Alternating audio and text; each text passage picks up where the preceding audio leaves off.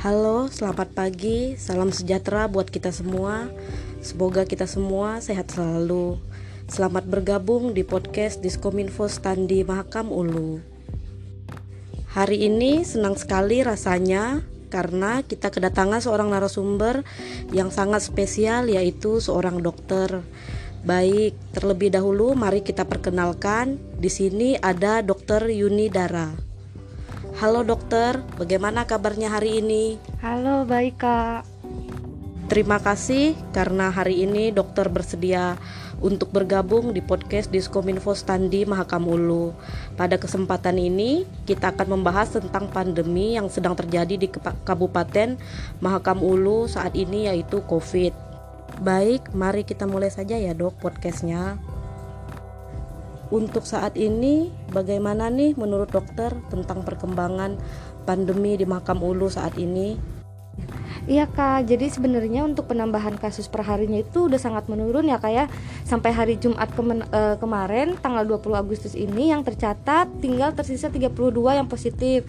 Dengan keseluruhan 22 kematian dan 1459 uh, 59 sembuh.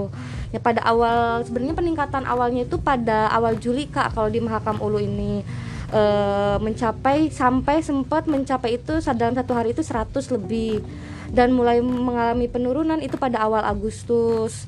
Sebenarnya gini kak, ini tuh kebalikannya dari Pulau Jawa. Kalau dari Pulau Jawa itu mulai mengalami peningkatan dari awal Juni dan dia mengalami penurunan itu pada pertengahan Juli. Sedangkan di daerah luar Jawa itu emang kebanyakan hampir semuanya itu peningkatannya pada awal Juli, penurunannya pada uh, awal uh, ini awal Agustus uh, luar Jawa itu seperti Sumatera, Kalimantan, Sula, uh, Sulawesi, Papua dan lain-lain. Peningkatannya hampir uh, waktu pas awal peningkatan itu lebih dari 200%.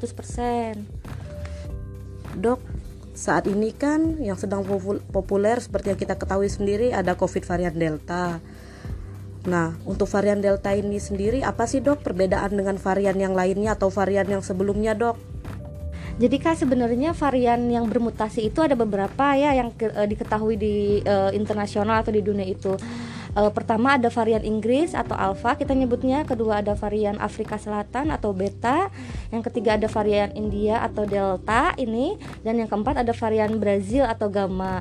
Sebenarnya keempat varian ini lebih menular dari varian virus uh, Wuhan yang pertama yang diketahui tahun 2019 uh, dari presentasinya itu varian alpha itu 29% lebih menular dari varian pertama terus gamma itu 38% lebih menular beta 25% lebih menular dan varian delta ini nih rajanya dia 97% lebih menular atau tiga kali lipat lebih menular dari varian pertama. Lain lebih menular si varian delta ini juga kan meningkatkan resiko rawat inap sebesar 2,6 kali lebih besar dan e, 1,67 kali peningkatan e, membutuhkan kegawat daruratan kak sedangkan menurut WHO tersendiri si varian delta ini tuh jahat juga kak. Jadi dia itu menurunkan kemampuan penetralisir antibodi.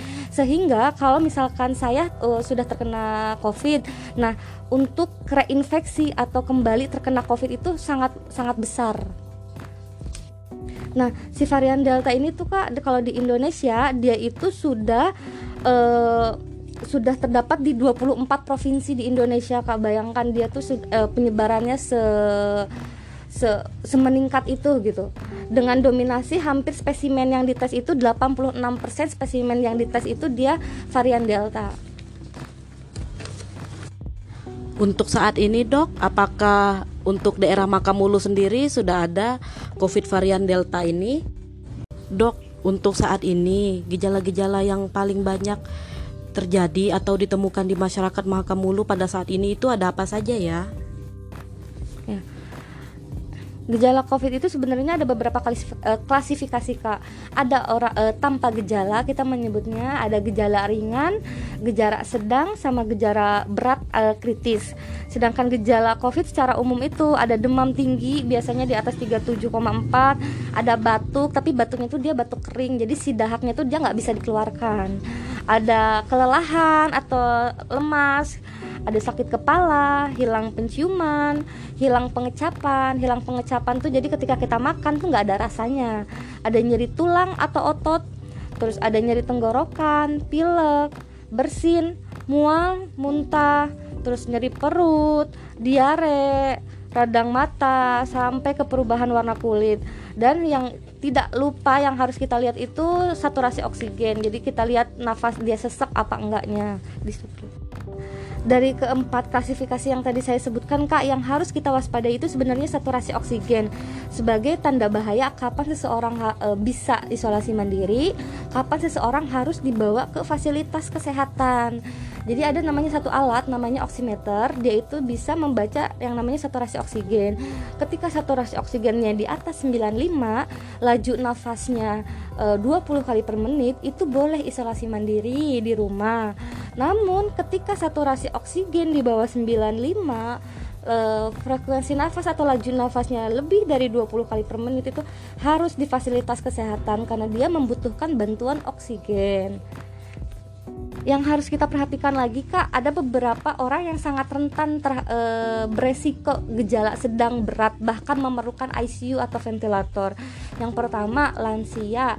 Lansia itu ada yang pra lansia yang di atas 50 tahun ataupun yang lansia yang di atas 64 tahun. Yang kedua balita. Yang ketiga ibu hamil. Yang keempat yang memiliki komorbid. Komorbid itu penyakit penyerta seperti kencing manis gagal ginjal asma paru kronis dan lain-lain. Dan yang keempat juga yang belum vaksinasi kak. Dok seperti yang kita ketahui kan saat ini di masyarakat itu beredar tentang hoak tentang covid. Bagaimana nih cara para nakes untuk meyakinkan masyarakat bahwa covid itu nyata covid itu ada? Karena untuk di Makamulu ini sendiri kan banyak nih masyarakat yang kurang percaya kalau covid itu ada dok yang sebenarnya kak uh, kita harus kerjasama sih antara pemerintah dan uh, tenaga kesehatan. Pemerintah atau pembaik tenaga kesehatan itu kita harus mengedukasi masyarakat. Jadi mengedukasinya di sini tuh kita mengedukasi baik misalkan uh, gejala COVID, terus penularan ataupun cara mencegah supaya terkena COVID. Kita baik-baik lah. Jadi pendekatan secara holistik kita mendekatinya kak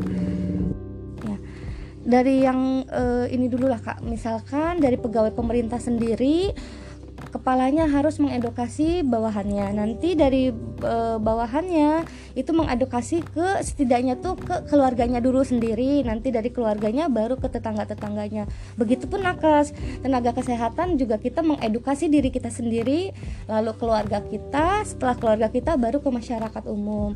Tapi saya percaya kok kak sekarang itu e, masyarakat sudah semakin pintar apalagi ketika kasus covid ini meningkat mereka banyak juga masyarakat yang mengalami gejala serupa tapi takut untuk pergi ke puskesmas. Jadi mereka kalau menurut saya sekarang pasti ada beberapa yang sudah percaya Kak karena mengalaminya sendiri. Menurut pendapat dokter sendiri nih, kapan nih pandemi ini akan berakhir? uh, menurut saya ya sebenarnya tuh harus ada kerjasama secara nyata antara pemerintah dan masyarakat itu sendiri kita sebagai pemerintah eh sebagai masyarakat harus memberikan waktu dan dukungan uh, kepada pemerintah dalam me mengendalikan COVID ini. Sebagai dan kita juga sebagai masyarakat harus eh, memutus rantai penularan. Dengan cara apa? Tetap e, kembali ke basic yaitu prokes 6M M yang pertama memakai masker, M yang kedua mencuci tangan, M yang ketiga menjaga jarak fisik minimal 1 meter, M yang keempat membatasi mobilisasi, M yang kelima menghindari keramaian, M yang keenam menghindari makan bersama serta tidak uh, jangan lupa ikut vaksinasi. Ingat ya, vaksinasi itu bukan untuk mencegah penularan tapi menurunkan resiko gejala berat. Jadi ketika seseorang yang sudah divaksin dan terkena COVID, dia e, kemungkinan untuk ke gejala sedang beratnya itu lebih minimal. Penut Baik dok, terima kasih nih atas informasinya tentang COVID ini. Saya ucapkan terima kasih ya dok untuk informasinya. Selamat pagi.